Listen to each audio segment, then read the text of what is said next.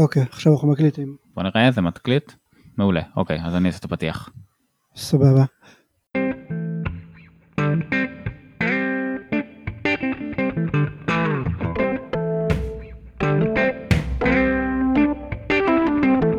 ברוכים הבאים לארץ יצירתי, פודקאסט על כלכלה, חברה וכל מה שביניהם. היום אנחנו מארחים את דוקטור ינאי שפיצר מהאוניברסיטה העברית מהמחלקה לכלכל, לכלכלה והמחלקה לפילוסופיה, כלכלה ומדע המדינה, או פק"ם. אה, גילוי נאות, אני הייתי המתרגל של ינאי בקורס היסטוריה כלכלית באוניברסיטה העברית. שלום ינאי, ברוכים הבאים לארץ יצירתי. שלום לכם ותודה על ההזמנה. אה, אני עקבתי אחרי התוכניות הקודמות שלכם, הקשבתי להן ובאמת היה כיף ולמדתי המון, אז אני ממש שמח להיות איתכם. מעולה. Uh, טוב, אז שאלה ראשונה, אתה במחלקה לכלכלה, אבל גם בפק"ם. נכון. ובעוונותיך אתה נשוי להיסטוריונית. גם נכון. ואני תרגלתי אותך בקורס היסטוריה כלכלית. אז uh, אתה יודע, בוא נתחיל משאלה קלה וקלילה כזאת, ומה מה ההבדל בין כלכלנים והיסטוריונים כשאנחנו עושים היסטוריה כלכלית, ולמה בכלל כלכלנים מתעסקים בנושא הזה? אוקיי, okay, אז דבר ראשון, התחום הזה של היסטוריה כלכלית, אה, בעבר היה יותר בידיים של ההיסטוריונים. אה, כלכלנים גם התעסקו בו, אבל אה, או שזה היה במידה שווה, או שההיסטוריונים, נדבר פחות או יותר עד שנות נגיד ה-60 של המאה ה-20, ראו טעם לעשות היסטוריה כמותית ולשאול שאלות כלכליות לגבי, לגבי מה היה בעבר. אה, רק כשאתה אומר היסטוריה כמותית אז אולי תפרט גם בדיוק למה הכוונה. כן, כשאני מתכוון להיסטוריה כמותית הכוונה היא להיסטוריה שמשתמשת בכלים כמותיים כדי לנסות להבין uh, תופעות ואירועים היסטוריים. Uh, בדרך כלל זה כרוך באיסוף נתונים ובעיבודים סטטיסטיים שלהם. כאשר uh, היסטוריה כלכלית זה בדרך כלל סוג מסוים של היסטוריה כמותית שמשתמש יותר במתודות כלכליות מתקדמות. למשל הרצת רגרסיות או שימוש בתיאוריות כלכליות. אבל היסטוריה כמותית באופן כללי זה היסטוריה שמשתמשת ב, אה, בנתונים כמותיים ועושה בדרך כלל עיבודים שיכולים להיות גם יותר פשוטים כמו אה, בדיקה של מגמות מחירים לאורך זמן, אה, של אה, אה, שכר ריאלי ו, אה, וכן הלאה. אז אה, אה, מה שקרה זה שהיו שתי מגמות שהתלכדו לכדי תופעה אחת אה, גדולה שבעצם העבירה את משקל הכובד אה, בעולם של היסטוריה כלכלית מהצד של ההיסטוריונים, או מאיזושהי שותפות בין ההיסטוריונים ובין הכלכלנים, אה, אל הצד של הכלכלנים. אה, ההיסטוריונים מצידם אה, התחילו להתמקד יותר בשאלות של תרבות, זהות, התחילו להטיל ספק באפשרות של נתונים להגיד לנו משהו חזק לגבי המציאות. ובאותו זמן, החל משנות ה-60, התפתח בין הכלכלנים המגמה שאנחנו לפעמים קוראים לה המגמה הקליאומטרית או התנועה הקליאומטרית, שהכוונה היא למוזת ההיסטוריה, קליאו, ומטריקה, שזה מדידה. כשמדובר היה בעצם בהכנסה של מתודות כלכליות מתקדמות לשם חקר ההיסטוריה, כלומר מודלים כלכליים מודרניים, אקונומטריקה, עמידות וכן הלאה. זה היה מהלך מבורך מצד הכלכלנים וזה בעצם המהלך שהוליד את התחום היסטוריה הכלכלית כפי שאנחנו מכירים אותו היום. אבל הוא גם מוביל לזה שבתחום הזה שואלים שאלות שמעניינות כלכלנים יותר מאשר מעניינות היסטוריונים. ובזמן שההיסטוריונים עצמם נסוגו מהתחום הזה, בעצם נוצר כאן איזשהו ואקום. התחום הזה נראה היום מאוד מאוד כתחום ששייך לכלכלה, וזה לא רק לטובה. בשנים האחרונות אנחנו רואים מגמת חזרה של ההיסטוריונים אה, לתחום הזה. ובמובן הזה אה, ציינתם את, אה, את אשתי שהיא אה, היסטוריונית, אבל ההכשרה שלה היא אה, מאוד מאוד כמותנית, והיא גם אה, אה, במהלך ההכשרה שלה אה, בלימודים הייתה קרובה מאוד לתחום של, לעבודות של היסטוריונים כלכליים שעובדים מהצד של הכלכלה. בעצם אה, אתם ראיינתם לפני כמה תוכניות את אה, פרופסור יואל מוקיר, אה, הוא היה המנחה של שנינו בנפרד, יש לו מינוי, הוא בין הפרופסורים היחידים בארצות הברית שיש לו מינוי גם במחלקה להיסטוריה וגם במחלקה לכלכלה באוניברסיטה שלו, אוניברסיטת נורפרסטון. אשתי הייתה תלמידת היסטוריה, והוא הנחה אותה, ובאותו זמן הוא גם הנחה אותי, וככה גם אנחנו נפגשנו. אז היום יש עוד כמה אנשים כמו, כמו אשתי שאכן יש להם הכשרה של היסטוריונים שלומדים בעצם איך לעבוד בארכיונים, הם קוראים ספרים, הם כותבים ספרים, אבל זה עדיין מתי מעט. רוב ההיסטוריונים שמסיימים דוקטורט בהיסטוריה, אה, לצערי הרב יש להם מעט מאוד הכשרה כמותנית.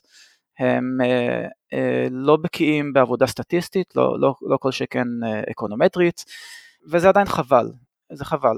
למרות שאנחנו רואים שיש התקדמות בתחום הזה. זה נראה כמו עוד איזשהו מקרה שבו לשבור את החומות שבין הדיסציפלינות יכול לעזור בעצם לכולם, כמו נגיד גם בסוציולוגיה ומדעי המדינה.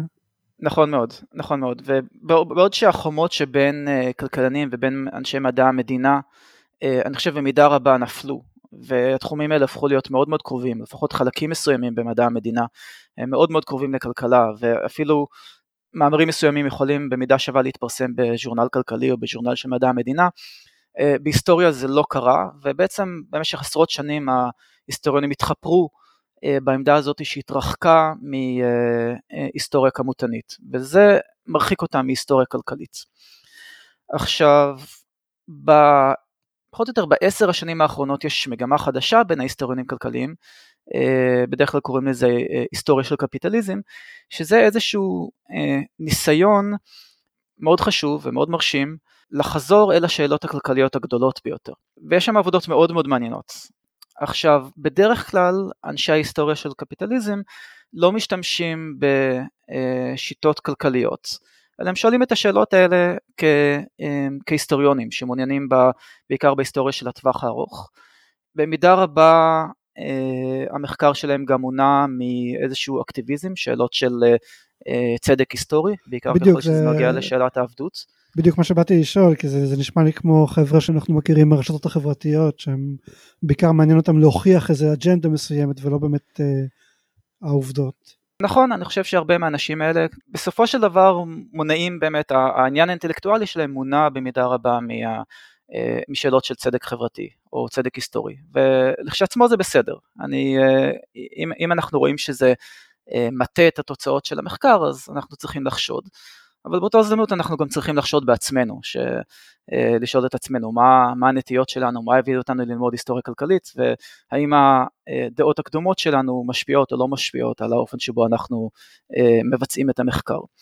אם אה, יש די הרבה אנשים שמתעניינים בהיסטוריה כלכלית בגלל איזשהו אולי, לא יודע, אקטיביזם פוליטי, צדק חברתי וכדומה, אז מה, מה הפך אותך בעצם להיסטוריון כלכלי? אה, איך אני הגעתי בעצמי להיות היסטוריון כלכלי? אה, דבר ראשון, אני גדלתי בבית שיש בו הרבה עניין בהומניסטיקה.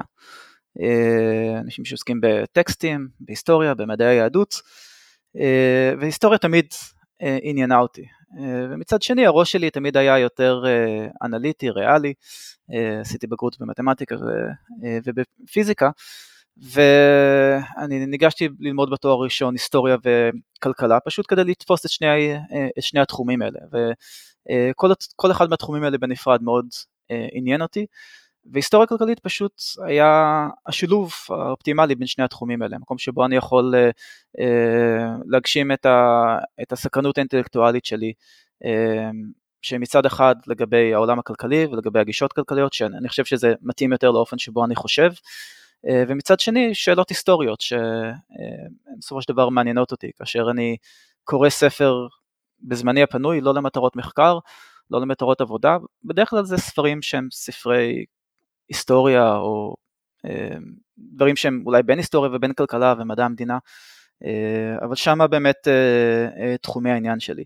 אני לא חושב שאני יכול להעיד על עצמי שהסקרנות האינטלקטואלית שלי מונעת משאלות של צדק חברתי דווקא, או צדק, צדק היסטורי, או, או איזשהו רצון לשנות את העולם. אני, אה, זה פשוט נובע מסקרנות גרידא. אני, אני לא יודע אם זה בריא או לא בריא, או אם זה רצוי או לא רצוי. יש כאלה שאומרים שבסופו של דבר אה, צריך לשאול שאלות כי אתה רוצה לשנות את העולם, ובצורה מסוימת. אה, אני לא מרגיש שזה מה שמניע אותי, למרות שאני לא יודע, אולי... אולי יש לי מניעים שאני לא מודע להם, או שאני לא, לא שם לב עד כמה הם, עד כמה הם חשובים.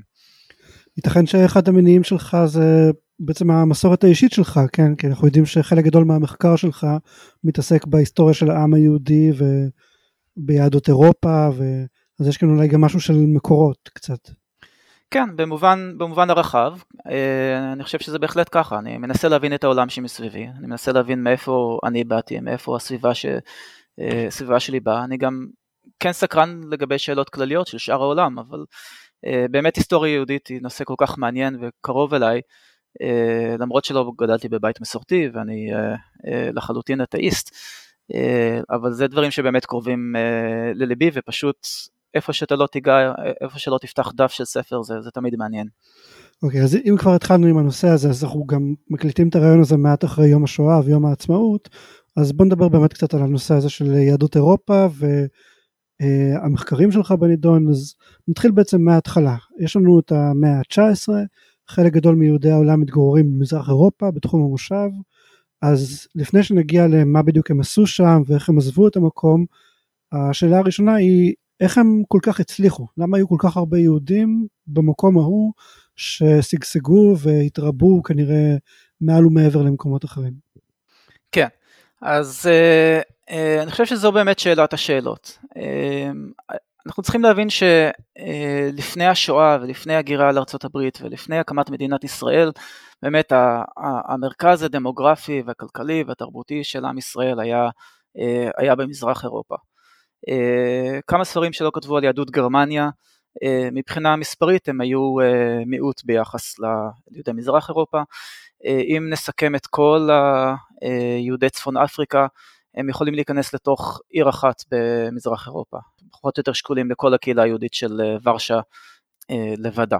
וזה לא תמיד היה ככה, היהודים לא הגיעו לשם אה, במקרה, אלא זה היה תהליך מאוד מאוד אה, ארוך ומורכב, שאנחנו, אני חושב רק עכשיו מתחילים להבין את, ה, את המקורות שלו. אז לפני המאה ה-20, זאת אומרת סביב שנת 1900, שזו פחות או יותר הנקודה שבה אה, אנחנו, אני מסתכל על הקהילות היהודיות באזור שנקרא תחום המושב, הטריטוריות המערביות של האימפריה הרוסית, ששם פחות או יותר מחצית מהאוכלוסייה היהודית בעולם יושבת. להגיד שהיהודים משגשגים שם זה אולי קצת אה, מרחיק לכת, אבל מבחינה דמוגרפית הם בהחלט שגשגו, וזה בהחלט מעיד על זה שמשהו משך אותם לשם. צביקה אקשטיין ומריסטדה בוטיצ'יני, שני כלכלנים שגם כן עוסקים בהיסטוריה כלכלית של אה, עם ישראל, עובדים עכשיו על אה, לתעד את הצמיחה הדמוגרפית המופלאה הזאת. אה, זה קצת דומה לסיפור של יציאת מצרים, שהגיעו יעקב ומניו, מתי מעט, ויצאו משם 60 ריבו. 500 או 400 שנה קודם לכן, יהודי מזרח אירופה מנו עשרות בודדות של אלפים, וסביב מפני המאה ה-20 אנחנו מדברים כבר על אוכלוסייה בסדר גודל של חמישה מיליון בשטחי האימפריה הרוסית, ואולי עוד שני מיליון נוספים במקומות נוספים במזרח אירופה, תלוי איך אתה, איך אתה סופר. מה הם עשו שם? אולי יש לנו את אה, הרבה מאוד סטריאוטיפים שיכולים לבלבל אותנו. יש לנו היום את הסטריאוטיפ של יהודים בגלות שהם אה, אנשי צווארון לבן, אה, מרצים באוניברסיטה, עורכי דין, מפיקים בהוליווד, מכל זה צריך לשכוח. זה לא מה שהם עשו שם, הם לא עסקו בצווארון לבן, כי כמעט לא היו מקצועות של צווארון לבן בתקופה הזאת, ואלה שהיו הם לא בהכרח היו מקצועות שהיהודים תפסו אותם יותר מאחרים. סטריאוטיפ אחר שצריך אה, חלקית להתנער ממנו זה הסטריאוטיפ הימי ביניימי של היהודי בתור אה, אה, מלווה בריבית. זה נכון שהלוואה בריבית הייתה דבר חשוב, וזה נכון שבמסחר, שתכף אני אדבר על זה, וזה באמת... על איזה תקופה אתה מדבר עכשיו? אנחנו מדברים עכשיו על סוף המאה ה-19. הלוואה בריבית הייתה חלק קטן, למרות שאשראי באופן, במובן הרחב של המילה, הוא חלק בלתי נפרד מכל, הוא חלק בלתי נפרד ממסחר, ומסחר זה בעצם היה הנישה שהיהודים אה, העדיפו לעסוק בה. אז אנחנו עוסקים באוכלוסייה שבערך שליש ממנה הם סוחרים, שליש ממנה הם בעלי מלאכה, ושליש אחר עוסק במקצועות אחרים כמו אה, תחבורה, עבודות ביתיות, חינוך, עבודות קהילתיות, אה, רבנים, מלמדים, אה, נהגי עגלות וכן הלאה. השיעור היחסי של יהודים בתקופה הזאת בקרב מקצועות כמו רופאים ודוקטורים הוא לא היה מאוד גבוה? הוא היה גבוה יותר ביחס לאזרח התושב הממוצע, אבל זה ממש לא היה הדבר שיהודים יוצגו בו ייצוג יתר מופרז, כמו בדברים אחרים. אין לי, אין לי את המספר לפניי של ייצוג היתר של היהודים ברפואה, אבל הוא לא היה גדול במיוחד. אולי נסביר מה הכוונה בייצוג יתר? אז לשם דוגמה, המקצוע הנפוץ ביותר של יהודים בתקופה הזאת זה חייטות. אחד מכל שישה יהודים עסק במקצוע הזה, והיו עוד יהודים נוספים שעסקו במקצועות קרובים כמו סנדלרות, מסחר בטקסטיל וכן הלאה. אבל הנישה הזאת של טקסטיל הייתה נישה יחסית גדולה. בעצם בתקופה הזאת טקסטיל היה אולי ענף הייצור החשוב ביותר, ויש גם אנשים אחרים באזור הזה ש... שעוסקים בטקסטיל. אז באופן יחסי ייצוג היתר של היהודים בתחום הזה, כלומר הסיכוי שיהודי יעבוד בו ביחס לסיכוי שלא יהודי יעבוד בו, היה גדול מאחד, זאת אומרת יש ייצוג יתר ליהודים במלאכות טקסטיל, אבל זה לא מופלג, זה פי ארבע בערך. לעומת זאת, אם אני מסתכל על המקצוע שהוא באופן המובהק ביותר מאפיין את היהודים, שזה סחר בדגנים, אה, אז אני רואה שהסיכוי של יהודי לעבוד במקצוע הזה הוא פי 65 גדול יותר מאשר של לא יהודי שחי באותה טריטוריה. עכשיו לא הרבה יהודים, בעצם כן הרבה יהודים עסקו בסחר בחיטה, אבל זו הייתה נישה מאוד מאוד מצומצמת, והיהודים שלטו בה לא רק במובן שהיה להם ייצוג יתר, אלא במובן שפשוט יש מחוזות שלמים שאתה לא מצליח למצוא סוחר חיטה לא יהודי אחד לרפואה. מקומות שבהם בממוצע, אני חושב 85, 90, 95 אחוז מסוחרי החיטה הם יהודים, למרות שרק 10 אה, אחוז או 12 אחוז מה... אה, אה, מכוח העבודה במשק הזה הוא יהודי. זה, זה, לא אני... נשמע לי, זה לא נשמע לי כמו איזה נישה קטנה, כן, סחר בחיטה, חיטה זה דבר מרכזי, זה לא... נכון. או שזה אולי מקצוע שולי, אני לא, לא מבין. אז דבר ראשון, חיטה זה זה בעצם, ה, אה, אנחנו מדברים על כלכלות שהן קדם מודרניות במובן שעוד לא עברו אה, ממש מהפכה תעשייתית. רוב האנשים, לפחות 60% מהאנשים הם איכרים עובדי אדמה, שמה שמייצרים זה חיטה, כן? אבל אה, אתה לא צריך בן אדם אחד שיהיה סוחר חיטה על כל בן אדם שמגדל חיטה. היחס הוא הרבה יותר קטן. אני לא זוכר בדיוק מה היחס של הסוחרים בחיטה ביחס לכלל העובדים, אבל אני חושב שזה סדר גודל של אולי אולי שני, שניים או שלושה אחוז. ובאזורים האלה של מזרח אירופה, זה הנישה שיהודים שלטו בה באופן כמעט מוחלט. אה, לצד זה הם שלטו גם בענפי מסחר אחרים שהם דומים מאוד, למשל סחר בבהמות, אה, סוסים, פרות וכן הלאה, סחר בעצים, סחר באורות אה, מעובדים או לא מעובדים. במילים אחרות אני חושב שמה שמאפיין אותם בצורה מאוד מאוד חזקה זה אספקת שירותי מסחר לסביבה החקלאית. זאת אומרת, עד כמה שאנחנו חושבים על היהודים בתור יצורים שגרים בערים, בעצם הם היו צמודים לכפרים. הם, אפשר לחשוב על הכלכלה של הכפר המזרח אירופאי בתחום המושב, בתור מקום שבו ה, הלא יהודים הם אלה שמגדלים את הדגנים, והיהודים מספקים להם שירותים, מוכרים להם, מוכרים להם אה, מוצרי צריכה, מלווים להם את, ה, את הזרעים באביב, קונים מהם את הסחורה בקיץ, משנעים אותה, אה, מוכרים אה, מוצרים בשווקים בעיירות הקטנות שאנחנו קוראים להם אה, שטטלים, ובסך הכל אני חושב שלמרות שיש לנו את הסטריאוטיפ הזה של יהודים בתור יצורים שהם עירוניים לאלה ולאלה, בעצם הם היו במובן מאוד מאוד מסוים של המילה אנשי כפר.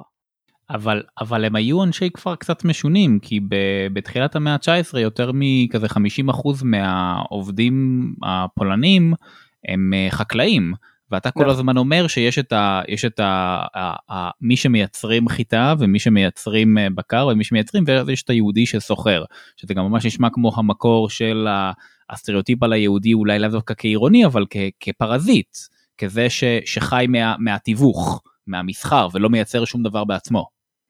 נכון, באמת בתקופה הזאת וגם בתקופות מוקדמות יותר לא הייתה הבנה אה, למסחר יש ערך מוסף לכשעצמו, זה לא... אתה חושב שהיום יש? אה, אני חושב שכן, מישהו צריך, אה, בלי סוחרים, הכלכלה תקועה, אתה צריך להביא, הסוחר זה זה שמביא את המוצרים מהמקום שבו הם נפוצים למקום שבו הם, יש בהם מחסור, זה לא, לא א' ב' של כלכלה. כן, של כלכלה, אבל אני לא חושב שרוב האנשים מבינים את זה, כן, אני חושב שעדיין יש נכון. את האשליה. כן, ו... ואני חושב שהאשליה שה... הזאת היא מאוד מאוד נפוצה, גם אה, בשיח ה... גם האנטי יהודי, שבהקשר הרוסי אנחנו קוראים לו אה, אה, יודופובי, וגם בשיח הפרו יהודי, ואפילו הציוני. אה, אני חושב שגם ה... היה שיח מאוד מעניין במאה ה-19 במזרח אירופה, שבו חלק מהאנשים דווקא ניסו להגן על היהודים, חלקם היו יהודים וחלקם היו לא יהודים, דיברו לטובת היהודים, אבל ההסכמה הייתה, הייתה הסכמה די רחבה שהיהודים אה, עוסקים במקצועות שלא מספקים ערך לכלכלה. אה, אתה יכול לקרוא לזה פרזיטים אתה, או, או נצלנים, ובאמת היו אנשים שקראו לזה ככה, אבל זו הייתה התפיסה, ואני חושב ש... במידה רבה זהו גם ה... אה, הוטבע בצורה מאוד עמוקה באידיאולוגיה של אה, תנועת העבודה הציונית, שעבודה במסחר, באספקת שירותים, היא לא עבודה יצרנית אה, באמת. אנחנו הכלכלנים לא חושבים שזה נכון, אבל אני חושב שקל להבין למה אנשים שלא חושבים על הבעיה הזאת לעומק באמת רואים את זה כך, ואפשר להוסיף על זה את, ה...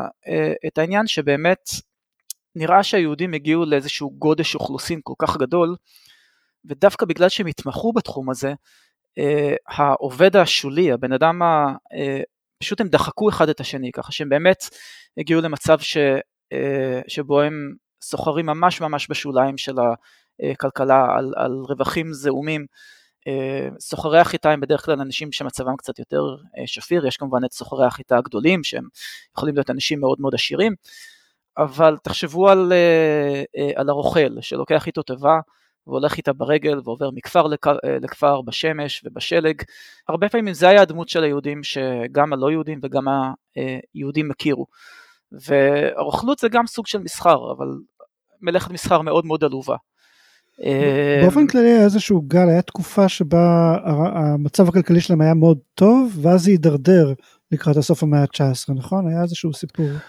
אוקיי, אז אה, יש יש תפיסה כזאת ואני חושב שבמידה, במובן מסוים אני, אה, אה, היא, היא נכונה למרות שהייתי רוצה להטיל כאן קצת אה, ספק. כן ברור שיש איזושהי תקופת תור זהב של יהודים במזרח, במזרח אירופה תחת השלטון של האצילים הפולנים ושל ממלכת פולין ליטא. אנחנו מדברים פחות או יותר על בין המאות ה-16 וה-18.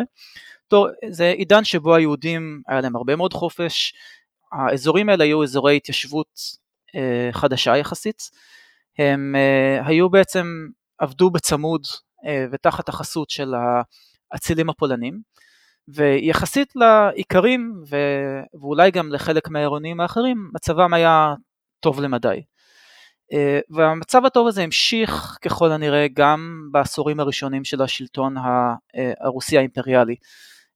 נגיד בין 1790 1830. אני ממליץ מאוד לקוראים שלנו אה, לקרוא את הספר של יוחנן פטרובסקי שטרן, עידן הזהב של השטטל, שבדיוק עוסק בתקופה הזאת, אני חושב שזה עוד לא תורגם לעברית, אמ, והוא מתאר את השטטל בתור מקום שאם אה, היהודים לא שולטים בו, אז במידה רבה הם אה, סוכנים, בעלי כוח, שנהנים מהעידן בין השמשות האלה, בין הנסיגה של האצולה הפולנית וה... אמ, ההשתלטות של הבירוקרטיה הרוסית שרק בהדרגה מתחילה להבין מה קורה כאן ובינתיים הם עושים בטריטוריות האלה כבשלהם. אה, ובאמת יש טענה שבמהלך השלטון הרוסי לאורך המאה ה-19 אה, המצב הכלכלי והפוליטי אה, הלך והידרדר. שיהודים הלכו ודבר ראשון הם גדלו מבחינה מספרית וזה כבר סיבה משמעותית לזה שיש פחות ופחות מקורות אה, מקורות פרנסה עבורם, הם גדלו גם באופן יחסי ביחס לכלל האוכלוסייה, הגידול הטבעי שלהם היה הרבה יותר מהיר אה, מאשר של הלא יהודים וזה משהו שבוטיצ'יני ואקשטיין הראו בצורה מאוד יפה. ולכאורה זה דוחק אותם מעבודות יותר אה, רווחיות של מסחר לעבודות יותר עלובות נגיד כמו, כמו רוכלות או להידחק אל עבודות כמו מלאכה וחייטות. עכשיו, אני לא מכיר עדויות כמותיות שיכולות להראות לנו שבאמת הייתה הידרדרות אבסולוטית במצב החומרי של היהודים בתחום המושב לאורך המאה ה-19. זה לא בלתי הגיוני, אבל זה, זה לא נסמך על עדויות שהן עדויות, עדויות קשיחות של היסטוריה אה, כלכלית. אני אישית מכיר אה, מאמר אחד שמסתכל על עדויות כאלה ובאמת מראה שבמחצית אה, השנייה של המאה ה-19 אה, יש איזושהי נסיגה בגבהים של היהודים שנרשמו לגיוס בוורשה, אה, שזה עדות מעניינת וחשובה, אבל הייתי רוצה לראות עוד הרבה מאוד אה, עדויות כאלה. נזכיר כן. לקוראים שלא מכירים שהמדידה של גובה אה, משתמשים בזה הרבה פעמים בהקשר ההיסטורי כדי למדוד רמת חיים, כן, כי זה מושפע מרמת התזונה של ילדים. כן, היהודי שעמד בפני גיוס בוורשה היה, אני חושב, לפחות עשרה סנטימטר נמוך יותר מאשר אה, צאצאיו אה, היום, וזה לא בגלל גנטיקה, זה בגלל שרמת המחיה הייתה לאין שיעור נמוכה יותר לפני 100 ו-150 שנה. עכשיו, אני חושב שהרבה מאוד יהודים ואנשים אחרים כן תפסו את זה ככה, שהמצב שלהם אה, מידרדר. ואני חושב שאם הוא לא יידרדר באופן אבסולוטי אז ייתכן מאוד שהוא יידרדר גם לפחות באופן אה, אה, יחסי. אה, אחרי בעצם מאות או אלפי שנים של סטגנציה, אה, הכלכלה של מזרח אירופה מתחילה להתעורר בתקופה הזאת, ואפילו ברוסיה האימפריאלית אה, יש לנו צמיחה די מרשימה. אה, ולכן לא נראה לי סביר שלפחות בעשורים האחרונים של התקופה האימפריאלית באופן אבסולוטי רמת המחיה של היהודים הידרדרה, אבל כן סביר שזה קרה באופן אה, יחסי. יחסית אה, למערב אירופה, למהפכה התעשייתית בבריטניה אה, ובצרפת. אה, יחסית למערב אירופה זה קרה אה, במובן שהתיעוש הגיע מאוחר יותר למזרח אירופה, ואני חושב שלא פחות מעניין זה לשאול מה אה, המצב שלהם, זאת אומרת ברור שעכשיו יעדים במערב, בעולם החדש כמו אה, ארגנטינה וארצות הברית הם עכשיו מאוד מאוד מאוד מושכים. כן, אני חושב שההכנסה, אה, אם אנחנו מונים את זה בדולרים, הייתה פחות או יותר פי ארבע גדולה יותר לחייט בניו יורק בהשוואה לחייט שיושב בווילנה. אבל באופן יחסי יכול להיות שהייתה, יכול להיות שהייתה באמת נסיגה בהשוואה לאיכרים המקומיים או בהשוואה לעירוניים המקומיים. אה, אני חושב שזו השאלה שעומדת על הפרק, נראה לי מאוד בלתי סביר שהייתה הידרדרות אבסולוטית ברמת המחיה. בכל מקרה הייתי רוצה לראות על זה אה, עדויות. אז עכשיו אנחנו עומדים פחות או יותר בסוף המאה ה-19, והאוכלוסייה היהודית שחיה טוב במש... באופן יחסי כמובן במשך מאות שנים, אה, מוצאת את עצמה א', מנופחת מבחינה דמוגרפית, שיעור ניכר מהאוכלוסייה, ממלאת את כל הנישות, אה, ממלאת עד, עד רוויה את הנישה שבה יהודים אוהבים להתמחות, שזה מסחר. הם מוצאים את עצמם גולשים יותר ויותר למלאכה, שזה נישות שבהם ליהודים לדעתי יש פחות אה, יתרון יחסי, יש להם יתרון יחסי קטן יותר. אה, במהלך המאה ה-19 חלקם מצאו רווחה בזה שהם היגרו לטריטוריות שנפתחו להתיישבות יהודית בדרום תחום המושב. אזור שמכנים אותו בדרך כלל רוסיה החדשה, אה, כיום זה פחות או יותר מרכז, מערב, אה, מזרח, סליחה, מרכז ומזרח אוקראינה, בטח שמעתם על אודסה ועל קישינב, אה, אבל זה עוד כמה ערים גדולות מאוד אחרות כמו יקטרינוסלב וניקולאייב והרבה מאוד עיירות קטנות וכפרים קטנים שקודם לכן לא הייתה בהם התיישבות יהודית, אלה אזורים שגם ההתיישבות הלא יהודית בה, בהם היא יחסית אה, חדשה. אלה אדמות קרוב לוודאי המשובחות ביותר בעולם, אה, זו אדמה שאנחנו קוראים לה אדמה שחורה, ויש שם הזדמנויות לעשות ביזנס. וחלק מה... אה, מאות אלפי יהודים במהלך המאה ה-19 בעצם מהגרים מאזורים של בעיקר, בעיקר מה שהיום זה רוסיה הלבנה ו... וליטא, אבל גם, אבל גם פולין ואזורים אחרים באוקראינה כמו ווליניה, מוצאים את עצמם מהגרים לטריטוריות האלה ומתיישבים בהם באופן דומה ליישוב של אה, נגיד המערב התיכון אה, בארצות הברית. טריטוריות עם פוטנציאל מאוד מאוד גבוה, אה, אדמה משובחת, והכי חשוב, אין שם יותר מדי יהודים עדיין. כלומר, אין שם מי שעדיין יתחרה איתם על על המקצועות הנחשקים, שזה בעיקר סחר בחיטה. אתה זה, זה, זה ממש הבדיחה החצי אנטישמית הידועה שיהודים זה כמו זה כמו דשן כן אם אתה שם מעט מהם באזור מסוים אז uh, מגדיל את היבול ושגשוג והכל אבל אם אתה שם יותר מדי מהם באזור מסוים זה קצת מספיק. אוקיי okay, לא הכרתי את הבדיחה uh, אבל חשוב להגיד למי זה מוצלח ולמי זה מסריח. אני לא חושב שכשיהודים מתיישבים וממלאים אזור מסוים זה בהכרח רע נגיד לאיכרים. אבל זה רע בעיקר ליהודים עצמם, כי היהודים מתמחים בנישות, סליחה, מתמחים בנישות מסוימות, ולכן הם מתחרים אחד עם השני, וכאשר יש יותר מדי יהודים שמרוכזים במקום אחד, אז זה רע בעיקר ליהודים, כן? ובתקופה הזאת יש לנו מאות ואפילו יותר מאלף עיירות באזורים הוותיקים של ההתיישבות היהודית אה, בפולין ובליטא ובאזורי אה, ההתיישבות הוותיקים של אה, אוקראינה. והם פשוט דוחקים אחד את השני מבחינה כלכלית, והם uh, uh, יוצאים החוצה בכל אופן אפשרי, uh, חלק מהגרים למערב, חלק מהגרים לרוסיה החדשה, וחלק פשוט עוברים למקצועות שפחות מתאימים להם, אבל אין להם ברירה, כמו, כמו חייטות. אז... אחת, ה...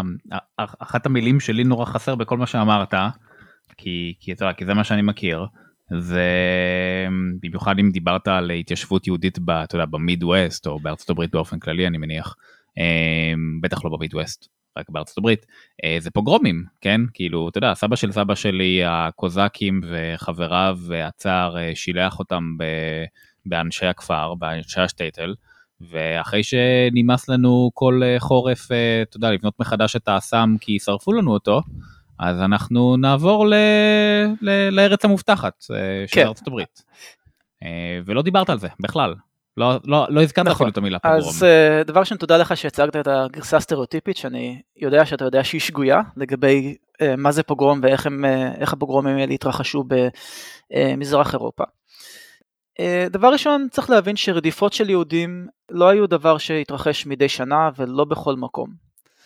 בעצם היהודים במזרח אירופה נהנו באופן יחסי מביטחון, אה, אה, אני חושב לא פחות אפילו מעמים אחרים שישבו שם. אה, הפוגרומים הם תנועה, כפי שאנחנו מכירים אותם ברוסיה האימפריאלית, הם תנועה חדשה. הגל הראשון של הפוגרום, יש לנו פוגרום ראשון שפורץ באודסה בתחילת שנות ה-70, ואז ב-1881 יש לנו את הגל הראשון של הפוגרומים, אירוע שדי הכה בתדהמה את הקהילה אה, היהודית וזעזע אותה.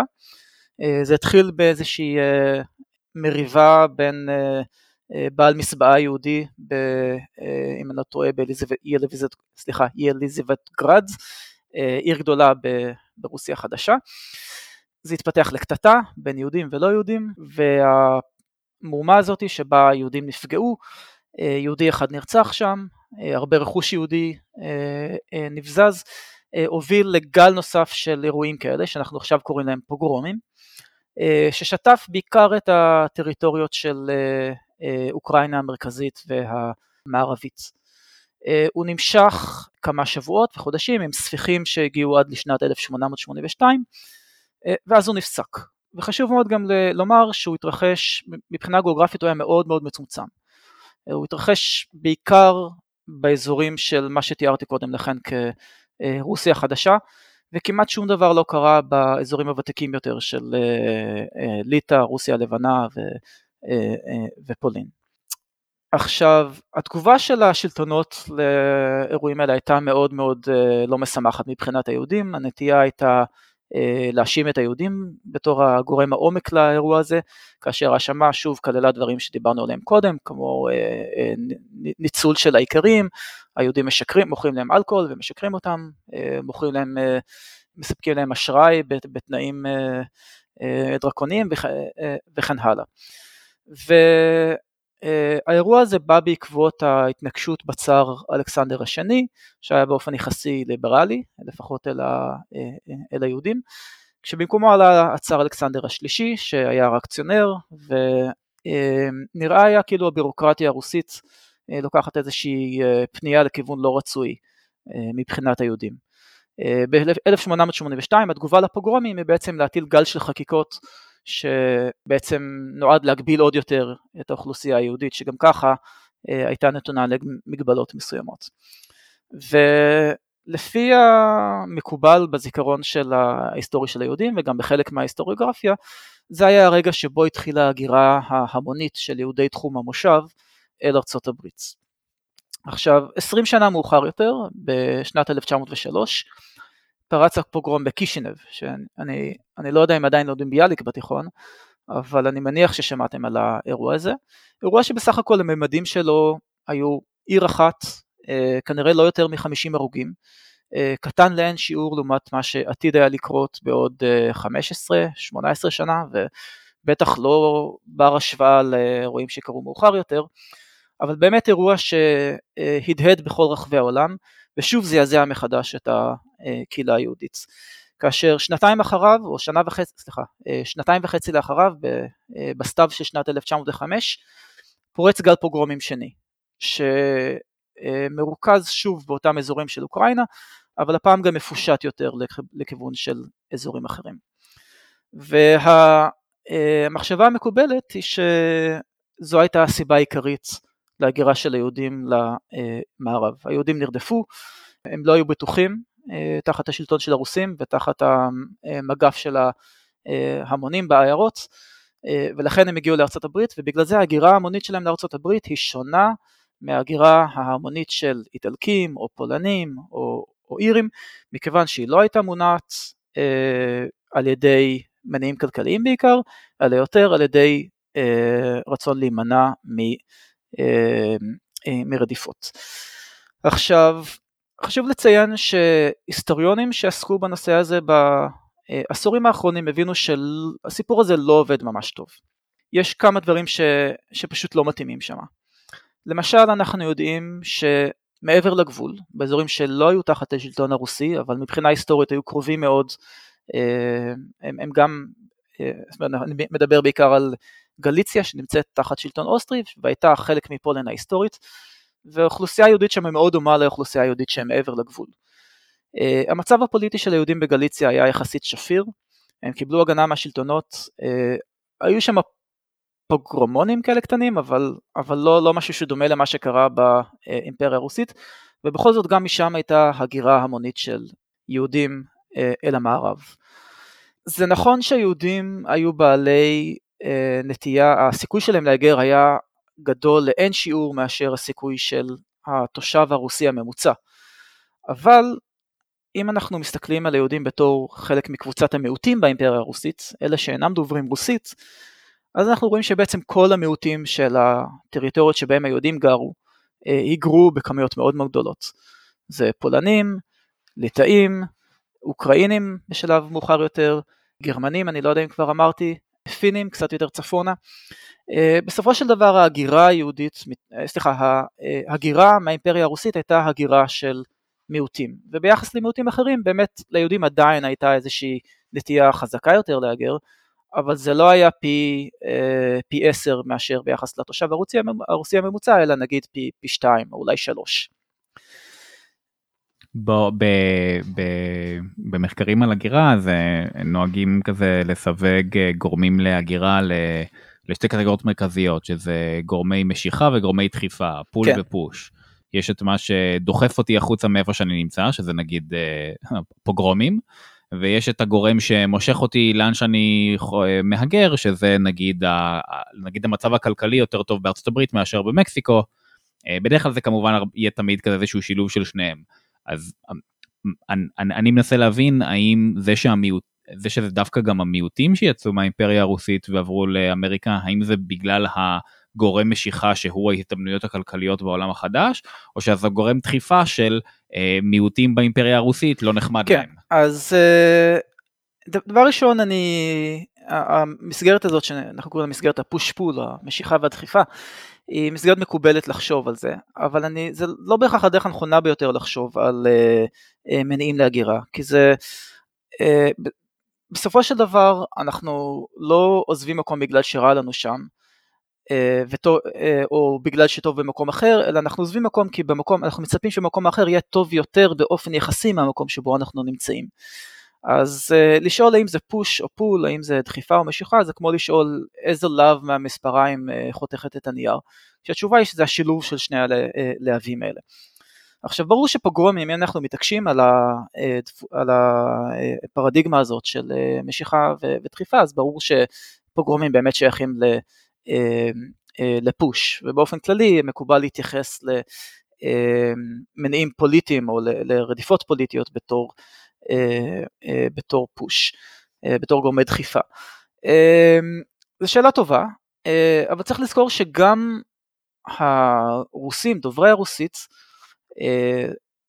שהם היו הרוב באימפריה הרוסית, היגרו בכמויות די, גדולות כאשר הדבר התאפשר להם. בעצם בדיוק באותה תקופה יש לנו הגירה מאוד מסיבית של מאות אלפי רוסים מהמערב אל מרכז אסיה ואל סיביר, ואנחנו גם יודעים שבגלל המבנה המוסדי של הכפר הרוסי ומגבלות אה, אה, בירוקרטיות שאני לא רוצה להיכנס אליהן כרגע, הניידות של הרוסים האתניים הייתה מאוד מאוד מוגבלת. אנחנו גם יודעים שהייתה אגורה המונית מהרבה מאוד אה, ארצות אחרות באירופה. בחלקן המצב הפוליטי היה דכאני, במקומות אחרים הייתה דווקא מגמה כלפי ליברליזציה, כמו ש... אה, קרה באיטליה. אה, איטליה אולי אה, לא הייתה דוגמה מופתית לדמוקרטיה ליברלית, אבל זה כן ארץ שעברה מאוטוקרטיה במקומות מסוימים, או שלטון שפחות מתעניין בתושבים בו, לשלטון לאומי שמנסה לגלות איזשהו רצון טוב ובאמת לשפר את המצב הכלכלי והפוליטי של התושבים, ועדיין האיטלקים היגרו במיליוניהם. אז אני חושב שנכון יותר לחשוב על ההגירה הכללית של אה, ההמונים מאירופה ובתקופה הזאת בעיקר מהפריפריה האירופית בתור תופעה שביסודה היא כלכלית ולא פוליטית, כאשר יוצאי הדופן הם פוליטיים. אה, מקובל לחשוב על ה-48ers, על הגרמנים שעזבו את גרמניה בעקבות הכישלון של אה, מהפכות אביב העמים בתור מהגרים פוליטיים, והיהודים הם כמובן הדוגמה הבולטת ביותר. אבל אני וגם היסטוריונים אחרים שעוסקים בזה חושבים שהרדיפות והפוליטיקה אה, היו מניע להגירה, אבל לא המניע, לא המניע העיקרי. אה, וזה באמת מה שניגשתי לעשות אה, בעבודה שהיוותה את החלק העיקרי של הדוקטורט שלי, שבו ניסיתי באמת ליצור איזשהו זיהוי של קשר בין פוגרומים ובין הגירה למערב. ומה שמצאתי שם זה שאם אנחנו מסתכלים על גל הפוגרומים הראשון בשנת 1881, אז הפוגרומים האלה, כפי שאמרתי, התרחשו ברוסיה החדשה, אזור שגם לפני וגם אחרי הפוגרומים כמעט ולא ייצר שום הגירה. כן? זאת אומרת, תחילת גל הפוגרומים, לפחות מבחינה גיאוגרפית, איננו קשור בהגירה היהודית. מה שכן מצאתי שם, זה שהמקורות הגיאוגרפיים של ההגירה היהודית המוקדמת הם באזור מאוד מאוד מצומצם בחלק הצפון מערבי של, ה, של האזור שאנחנו קוראים לו תחום המושב. אה, פחות או יותר בגבול, אה, בחלק מאוד מסוים של הגבול בין רוסיה ובין גרמניה. כאשר ההגירה הזאת התחילה עוד לפני 1881 והייתה מאוד מאוד מסיבית, רק לא שמו לב אליה כל כך כי היא הייתה מוגבלת לאזורים מאוד מצומצמים. אז יש לנו אזור מצומצם מאוד מבחינה גיאוגרפית שמייצר הגירה המונית, והאזור הזה פשוט הולך ומתרחב. אז במקום מצב שבו לאותם אנשים, לכאורה, אה, בגלל שאנחנו רואים את המספרים של ההגירה היהודית הולכים וגדלים, אז המצב הוא לא שיש לנו את אותם אנשים שהתמריץ שלהם להגר הולך וגדל, בעיקר לאחר, לאחר גל הפוגרומים הראשון, בעצם מה שאני טוען שקרה זה שליהודים מאז ומתמיד היה תמריץ להגר, בעיקר בגלל פערי רמת המחיה שבין ארצות הברית ובין תחום המושב. אה, אבל משהו קרה שהתפשט במרחב, אני טוען שהדבר הזה היה אה, רשתות של הגירה. אנשים מהגרים בתוך רשתות, זה דבר שאנחנו אה, יודעים תמיד, כל מי שעוסק בהגירה מכיר את התופעה הזאת. בדרך כלל מהגר זה בן אדם שכבר יש מישהו שהוא מכיר, קרוב, בן דוד, חבר, שכבר גר בארץ היעד, והוא מצטרף אליו כאשר הוא יכול. ואם אתה לא מכיר חבר כזה, אז מן הסתם אתה לא יכול להגר. והטענה שלי הייתה שרשתות הגירה האלה פשוט עברו מכפר לכפר, מעיירה לעיירה, מעיר לעיר, והן התחילו להתפתח בתחום המושב בשנות ה-70 של המאה ה-19, ובתהליך שלקח 20 או אפילו 30 שנה, הוא הגיע לשאר שטחי תחום המושב. עכשיו, בשנת 1905, כאשר פורץ גל הפוגרומים השני, רוב האזורים כבר נגועים בהגירה. אז אפשר לחשוב על זה כמצב שבו רוב האנשים היהודים באימפריה הרוסית, בתחום המושב, כבר מכירים איזה בן דוד או אח או, או חבר שיכול לעזור להם בהגורה לניו יורק או לאיזשהו כרך אמריקאי אחר. ואז כאשר אנחנו מסתכלים מה קורה בעקבות הפוגרומים, אנחנו רואים שבאמת אזורים שסבלו יותר מפוגרומים, הגבירו את ההגירה שלהם ביותר מאשר אזורים אחרים. זאת אומרת, כן, יש לנו עדות לכך שפוגרומים יכולים לדחוף אנשים להגר. אבל אם אני שואל האם זה מה שמסביר את גל ההגירה היהודי, אני חושב שאין עדויות לכך.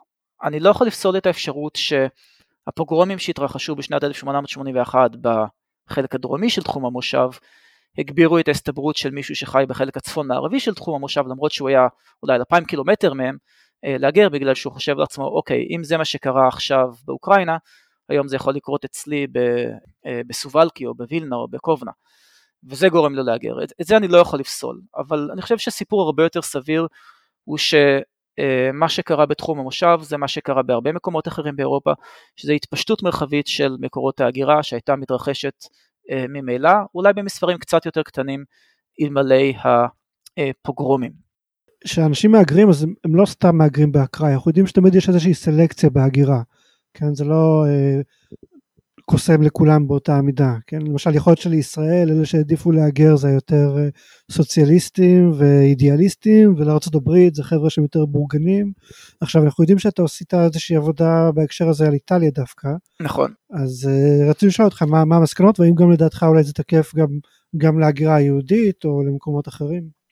כן, אז אמ, אז אני ארחיב קצת לגבי מה השאלה. אנחנו אה, שואלים את עצמנו גם בשאלות של מדיניות עדכנית לגבי אה, איך לנהל הגירה בעולם המערבי בימינו. השאלה היא דבר ראשון, מי המהגרים? האם זה אנשים שהם חסרי מקצוע, חסרי יכולות, שפשוט לא הצליחו במקומות המוצא שלהם, והם נדחקים לכל מקום שבו הם יכולים להגיע, ואז הם מגיעים והם נסמכים על אה, על רשתות צעד, אה, או הופכים להיות קבצנים או פושעים ברחובות, שאלה האשמות שהיו רווחות, אה, כמובן הן רווחות גם היום בארצות הברית, אבל בוודאי שהן היו קיימות גם לפני השנה, 100 שנה. או אולי אלה האנשים האמיצים ביותר, היזמים, אנשים שמאמינים שיש להם סיכוי להצליח, אנשים בעלי כישורים ש, שלא מפחדים לעלות על כרכרה, לעשות את המסע לתחנת הרכבת, למקום, לעלות אחרי זה על אונייה במקום שהם לא מכירים, שפה שהם לא מכירים, אה, ו, אה, ולנסות לעשות את זה אה, בעולם החדש. אז זו אחת השאלות הגדולות ביותר של כלכלת הגירה באופן כללי. והאם המהגרים, אנחנו נעשה את זה באופן סכמטי, האם הם, יש בהם סלקציה חיובית או שלילית? האם באופן ממוצע הם האנשים הכשירים יותר, הבריאים יותר, בעלי היכולות הכלכליות הגבוהות יותר, או האנשים הנכשלים יותר. יכול להיות שזה גם אה, עניין של איזה שהם העדפות, כלומר לאו דווקא משהו חיובי או שלילי, אלא משהו שהוא ניטרלי והוא קשור לטעמים. או... נכון, אני חושב שדוגמה טובה לזה יכולה להיות הטענה אה, מסוימת שלא יכולתי לבדוק אותה, אבל אני חושב שהיא סבירה, ש... בין המהגרים היהודים לארצות הברית היו אלה שהדתיות שלהם הייתה חלשה יותר והיו, הרבה מהרבנים ניסו להגביל את, ה, את ההגירה, אנשים השמרנים יותר נשארו ואנשים שהם פתוחים יותר לניסיונות חדשים אה, עזבו וזה יכול להיות חלקית אורתוגונלי ליכולות בשוק העבודה או, או, או יזמות כלכלית. אמ, אז בכל מקרה, כדי לנהל אה, מדיניות הגירה, דבר ראשון חשוב לנו לדעת מי הם המהגרים ביחס לאוכלוסיית המוצא שלהם. עכשיו, הבעיה שקשה מאוד אה, למדוד את זה מכמה סיבות. דבר ראשון, בימינו יש בעיה שההגירה היא מאוד מאוד מוגבלת מבחינה, מבחינה חוקית. ומי שרוצה להגר זה לא בסופו של דבר, האוכלוסייה שרוצה להגר זה לא אוכלוסייה שבסופו של דבר מהגרת. יש, יש סינון שיכול ליצור באופן מלאכותי סלקציה חיובית, כמו למשל בקנדה או גם בארצות הברית, אם יש לך אה, מקצוע נדרש אתה יכול בקלות לקבל green card או ויזה, אה, וסתם בן אדם מהשורה לא יכול. אז אנחנו לא יודעים מה קורה אם אנחנו נפתח את השער לכל מי שרוצה לבוא. אה, במובן הזה טוב לחזור 100 שנה אחורה לתקופה שהיא ייחודית בהיסטוריה האנושית, במובן שבו הגירה הייתה בעצם זמינה כמעט לכל דורש. לפני שנת 1917 המגבלות על ההגירה אל ארצות הברית היו די מינימליות. כל מי שיכול להוכיח שהוא יכול לעבוד או שיכול להיתמך על ידי מישהו אחר שיכול לעבוד בעצם יכול להיכנס כל עוד הוא לא חולה באיזושהי מחלה אה, מדבקת שקל לזהות אותה, אה, כמו טרחומה נגיד בדלקת עיניים. בשביל זה טוב לחזור למעבדה הזאת שגם לגביה יש לנו נתונים, כן, אנחנו בעבודה שלי ביחד עם אריאל זמרן מאוניברסיטת ונדרבילט, אנחנו בעצם התחלנו עם uh, קובץ שיש בו חמישה מיליון, כמעט חמישה מיליון מהגרים איטלקים שנכנסו בשערי ארצות הברית באליס איילנד, ואנחנו רואים כל אחד ואחד מהם את השם שלו, את הגיל שלו, את המקום שממנו הוא בא, uh, ועוד פרטים נוספים כמו האם הוא יודע לקרוא ולכתוב ומה היה uh, המקצוע שהוא uh, uh, דיווח עליו. Uh, עכשיו, uh, קש... בעיה נוספת זה שקשה מאוד להשוות את ה... אה, אנחנו רוצים איכשהו להשוות את המהגרים לאנשים שיש להם את הפוטנציאל להגר. ואנחנו צריכים מאגר נתונים שמאפשר לנו לזהות, לעשות את ההשוואה הזאת באופן אחיד. וזה בדרך כלל אתגר מאוד, אה, מאוד קשה, ואנחנו הצלחנו לפצח אותו במקרה של ההגירה האיטלקית אה, באמצעות שימוש בכלי שכבר דיברנו עליו קודם לכן, וזה הגבהים של המהגרים. הסתבר שמשנת 1907 הטפסים ש... אה, בהם נרשמו המהגרים שהגיעו לאליס איילנדס, כללו גם את הגובה שלהם. וספציפית במקרה של איטליה, יש לנו ידע טוב מאוד על ההתפלגות של הגבהים אה, בפרובינציות השונות. אנחנו בעצם יודעים מה אה, הממוצע וסטיית התקן של הגובה של כל קוהורטה וקוהורטה בכל פרובינציה ופרובינציה לאורך כל התקופה שבה אנחנו מעוניינים, שזה פחות או יותר התקופה של אנחנו מסתכלים בין 1907 ל-1925 ואנחנו מסתכלים לכן על הקוהורטות שנולדו 20 שנה קודם לכן, משנות ה-80 של המאה, של המאה ה-19 והלאה. אז אנחנו פשוט משווים את הגובה של המהגרים שנכנסו באליס איילנד אל הגובה של הקבוצת הייחוס שלהם, שזה הקוהורטה שלהם, בני אותו הגיל בדיוק, בכל אחת מ-70 הפרובינציות של, של איטליה. עכשיו, הטענה שגובה יכול להיות מדד לסלקציה בהגירה לא אומרת שמי שגבוה יותר הוא בהכרח טוב יותר, כן? אה, רוב השונות בגובה היא, היא, היא גנטית והיא לא אומרת דבר וחצי דבר על, ה, אה, על היכולות של האנשים, חוץ מאשר באולי עבודות פיזיות במיוחד, בן אדם שהוא גדול יותר הוא אה, יכול להיות אולי עובד אפקטיבי יותר ב... לא יודע, קריאה של תעלות וחפירת בורות. אבל אם אנחנו מסתכלים על ממוצע של קבוצה, אז כמו שאמרנו קודם לכן, הגובה הממוצע של הקבוצה הוא אינדיקטור טוב מאוד, וזה אנחנו כבר יודעים מהרבה מאוד מחקרים בהיסטוריה כלכלית וגם מחקרים מחשבים, הוא אינדיקטור מצוין אה, לרמת המחיה אה, בזמן הילדות, אה, לתזונה שקיבלת, והוא מתואם בצורה מאוד מאוד חזקה עם דברים כמו השכלה, משכורת, רמה של המקצוע וכן הלאה. ומה שמצאנו שם זה שהמהגרים לארצות הברית בממוצע נמוכים יותר מאשר האיטלקים בני הקוהורטה שלהם, אבל זה כמעט אך ורק מהסיבה שרוב המהגרים האיטלקים שהגיעו לארצות הברית באו מדרום איטליה, שהיה אזור נחשל יותר באופן יחסי. אם אנחנו משווים את האיטלקים, את המהגרים האיטלקים, לאנשים שגרו בסמוך עליהם, אז אנחנו דווקא מוצאים שהם גבוהים יותר בצורה משמעותית. וזה אומר לנו שאולי באמת האמריקאים קיבלו את אה, הגירה בעיקר מהדרום, אזור שבו הייתה יותר אנאלפביתיות אה, ונחשלות כלכלית, אבל מבין האנשים האלה הם באמת קיבלו את הטובים ביותר, ובאופן ממוצע, זה לא שזה אה, כל כך חד, אבל, אבל בממוצע המהגרים באמת היו האנשים שלפחות הגובה מסמן אותם כ, ככשירים יותר לשוק העבודה, וככל שהפרובינציה הייתה אה, נחשלת יותר מבחינה כלכלית, לפחות ככל שזה נמדד ב, אה, באמצעות הגבהים הממוצעים של הקוהורטות בפרובינציה הזאת, ככה הסלקציה הייתה חזקה יותר.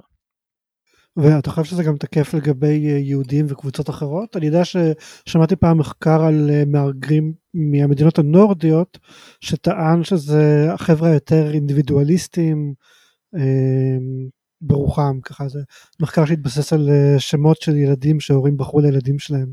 קצת אה, נכון, אני, אני מכיר את המחקר הזה ולא מדדתי את זה אה, במדדים של, אה, במדד דומה של אינדיבידואליזם. אני חושב שהסיפור של האינדיבידואליזם הוא, הוא, הוא אולי, אני, אני פה מדבר כמובן בלי, לא, לא מתוך זה שבדקתי לכן, קחו את זה אם אני, אני מנחש כאן. אני חושב שסיפור יותר סביר לגבי סלקציה ביחס למשתנים תרבותיים זה אולי דברים כמו אה, אה, מידת, ה, מידת הדתיות אה, או מידת הסמכות של הרבנים. זה לא שכל היהודים שהיגרו לארה"ב היו חילונים, הם, הרבה מהם עברו תהליך של איזשהו חילון ב, בעקבות ההגירה. אבל יכול להיות מאוד שהייתה איזו סלקציה על הציר של שמרנות מול, מול פתיחות. אתה מכיר גם מחקרים לגבי ההגירה לישראל? כלומר, או נגיד הבחירה של מהגרים יהודים האם להגר לישראל או הברית באותה תקופה? Uh, האמת היא שאני התחלתי עכשיו לאסוף נתונים שמסתכלים על זה. אני מנסה, אני אוסף עכשיו נתונים על, על יהודים שהיו פעילים ציונים שעלו לארץ ואני רוצה לראות האם גם זה הושפע מהפוגרומים או במה הם שונים ביחס ליהודים שהיגרו לארצות הברית. אה, אני חושב שזו שאלה מאוד מעניינת, אבל כרגע אה, לצערי עוד אין לי משהו אה, קונקרטי לומר על זה. אני יכול לנחש כמו שאתם יכולים לנחש, שבאמת מדובר באנשים שהם מסורים מבחינה אידיאולוגית, לפחות כשאנחנו מדברים על התקופה שלפני 1925, אנשים, אנשי תנועת העבודה, אנשים בריאים, אנשים שרצו להתנתק מהמסורת שלהם, אה, אחרי 1925, השנה שבה נסגרו השערים אה, בארצות הברית, אה, אנחנו רואים יותר ויותר הגירה של מהגרים שגרתיים, מהגרים כלכליים, שמגיעים לארץ ישראל מכל מיני סיבות. מי שכתב על זה זה פרופסור גורל רועי, היסטוריון באוניברסיטת חיפה, הוא באמת ניסה לעשות נורמליזציה של אה, ההגירות הציוניות, שבאמת להראות שאידיאולוגיה הייתה חלק מהסיפור, אבל הבן אדם החציוני לא היגר אה, מתוך אידיאולוגיה, אה, אלא בעיקר כדי לשפר את מצבו, ולבן אדם כזה, בפני אדם כזה עמדו מספר יעדים אפשריים, ארה"ב, ארגנטינה, בריטניה, ערים גדולות בתוך, בתוך פולין וברוסיה, ואלה שהגיעו לארץ ישראל במידה רבה פשוט היו מהגרים ככל המהגרים. הערה כזה לפני, ה, לפני השאלת סיום זה כמה פעמים במהלך השיחה אה, אמרת ציינת את ארגנטינה כיעד להגירה וזה כמעט מצחיק לחשוב על זה היום כן כאילו אני, אני לא מכיר אנשים שחושבים לעשות רילוקיישן לארגנטינה. כן חוץ מאשר לטיול אחרי הצבא. לא, זה לא יעד. אמ, בדיוק זה יעד זה יעד הטיולים זה אזור מאוד יפה זה אזור מאוד מעניין אבל זה לא כאילו אנשים חושבים על בסדר אה, לא יודע לונדון אה, ברלין ניו יורק קליפורניה. אמ, אני לא חושב שאנשים חושבים על להגר לארגנטינה, אבל אולי בעולם, אולי במקומות... כן, אז uh, זה היום, אבל לפני 120 שנה אה, ארגנטינה עמדה להיות המקום הלוהט הבא. Uh, עדיין, ה... בסך הכל זו הייתה ארץ שנפתחת להתיישבות, זאת אומרת ההתיישבות שם הייתה ותיקה עוד מתחילת המאה ה-16, אבל זו הייתה ארץ שקלטה הגירה המונית, בעיקר של איטלקים, היום אה, חלק גדול מאוד מהאוכלוסייה הארגנטינית הם, צאצאים של מהגרים אה, איטלקיים. וזה נושא שעולה גם במחקר הנוכחי שלי על ההגירה האיטלקית שלא הספקנו לדבר עליו, שיש תחרות בין יעדים. עכשיו, המשכורות, ב... אוקיי, אז איטלקים היגרו לברזיל, הם היגרו לארגנטינה, הם היגרו גם לצפון אפריקה, ו... אה, ארגנטינה באמת הייתה מקום שנראה כאילו הולך להיות אה, אה, שקול לקנדה, אם, אם לא לארצות הברית. ומה שקרה מאז שנות ה-20 של המאה ה-20 זה פשוט דוגמה לאיך מדינה לא מממשת את הפוטנציאל שלה. מאלף ואחת סיבות. אם לא טועה, אד גלייזר כתב על השוואה בין קנדה ובין ארגנטינה, שאני חושב שזה דוגמאות טובות, כי קנדה גם הייתה כאילו קצת יותר פרובינציאלית ביחס לארה"ב, ההכנסה שם הייתה קצת יותר נמוכה, אבל היא נשארה צמודה לארה"ב, עדיין התוצר לנפש שם הוא רק קצת יותר נמוך יותר מאשר בארה"ב, וארגנטינה פשוט בין המדינות שהצליחה לעשות את המעבר ממדינה כמעט מובילה למדינה של מה שנקרא medium income. אז כן, אנחנו צריכים לחזור, מאחור, לחזור 100 שנה אחורה בזמן ולזכור שארגנטינה כן הייתה יעד חשוב. מבין, לאבא של סבתא שלי היו, הם היו 16 ילדים, 12 מהם שרדו עד בגרות וחמישה מתוכם הגיעו לארגנטינה בסופו של דבר. זה היה בהחלט יעד סביר וליהודים היה מה לעשות שם. הם בהתחלה ניסו ליישב אותם במושבות חקלאיות, זה לא עבד כל כך טוב כי באמת יהודים ומחרשות לא תמיד, נגיד זה לא שילוב כל כך טבעי. מהר מאוד הם חזרו לערים ואלה שבאו בעקבותיהם התיישבו בערים הגדולות, בעיקר בואנוס איירס. ואני חושב שזו הייתה בהחלט בחירה רציונלית. אם הייתה לי את הבחירה בניו יורק וארגנטינה, אולי הייתי מעדיף ניו יורק, אבל אם היה לי חבר בארגנטינה ולא בניו יורק, אז הייתי הולך לארגנטינה. אז לסיום, מה שרצינו לשאול, לך יש שני מינויים באוניברסיטה העברית, גם במחלקה לכלכלה וגם כן. במחלקה לפילוסופיה, כלכלה ומדע המדינה. תוכנית פק"ם. שיש הרבה, כן, תוכנית פק"ם, שיש הרבה קורסים באמת שחופפים, אבל uh, החוויה, ה, נקרא לזה, לא יודע, ההוליסטית, uh, uh, מוציאה, אני חושב, uh, מלמדת אנשים דברים די, די שונים בסופו של דבר. Uh, אתה חושב שאחת מהתוכניות האלה היא מוצלחת יותר או מוצלחת פחות? כלומר, נגיד פק"ם מייצרת כלכלנים טובים יותר או, או טובים פחות, או אתה יודע, בני אדם טובים יותר או טובים פחות? אני, אני חושב שלשני הדברים יש מקום, אנחנו בטח בשלב הזה של החינוך של אנשים, אנחנו לא יכולים להיות עסוקים בלייצר בני אדם טובים, זה כבר, זה כבר מאוחר מדי. לשמחתי גם בכלכלה וגם בפק"ם, אנחנו, הרושם שלי לפחות הוא שאנחנו כן, אנשים טובים מגיעים אלינו. אה, ואנחנו רוצים לעזור להם להתפתח בכיוון שמעניין אותם ולא לנסות אה, לעצב אותם אה, בצורה מסוימת. עכשיו, מה נכון יותר, ללמוד כלכלה ונגיד סטטיסטיקה, או כלכלה ומדע המדינה, או ספציפית ללכת בגישה הפקמיסטית? אני חושב שאין נכון יותר ופחות, אני חושב שיש מקום לשתי, לשתי הדרכים האלה. אני, אני רוצה שיהיו גם פקמיסטים בעולם, ושיהיו גם אנשים שלומדים כלכלה ומנהל עסקים, וכלכלה וחשבונאות, וכלכלה, אה, וכלכלה והיסטוריה. אה, אנחנו צריכים גם מאלה וגם מאלה. אה, הגישה של פק"ם היא גישה שכמובן אני מאוד מחובר אליה, למרות שהרקע שלי דווקא היה בהיסטוריה. והרציונל הוא שכאשר אנחנו עוסקים בשאלות של בחירה ציבורית, בעניינים של מדיניות, גם בשאלות כלכליות שהן יותר מאשר טכניות, אנחנו חשוב לנו מאוד להבין את, ה, את הרקע, גם, ה, גם הפילוסופי וגם את, ה, וגם את הרקע המדינתי. אם אני, בכלכלה אנחנו בדרך כלל עוסקים יותר בצד הפוזיטיביסטי, אנחנו שואלים שאלות של אם אז, או מנסים לנתח מצבים מסוימים, אבל זה לא מכשיר אותנו לחשוב על מה נכון או, או מה רצוי. אה, שזה בדרך כלל בצדדים היותר נורמטיביים שלומדים אותם במדע המדינה ובפילוסופיה.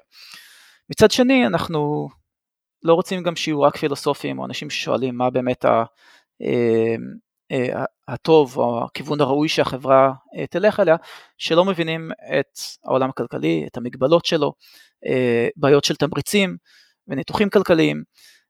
לכן אני חושב שחשוב מאוד שיהיה סוג מסוים של אנשים, אני לא רוצה שכולם יהיו ככה, אבל כן אני רוצה שיהיו כאלה, שיודעים לנתח שאלות כלכליות, תוך כדי מודעות אה, לזה שלשאלות כלכליות יש גם השלכות מוסריות, ושאנחנו צריכים להבין את הרקע של אה, הרקע המוסרי, האתי, אה, האפיסטימולוגי של השאלות האלה, ושבעצם זאת תהיה, הם יוכלו לסייע או לנתח בעיות בצורה, שכולל, בצורה כוללנית. אני חושב ש...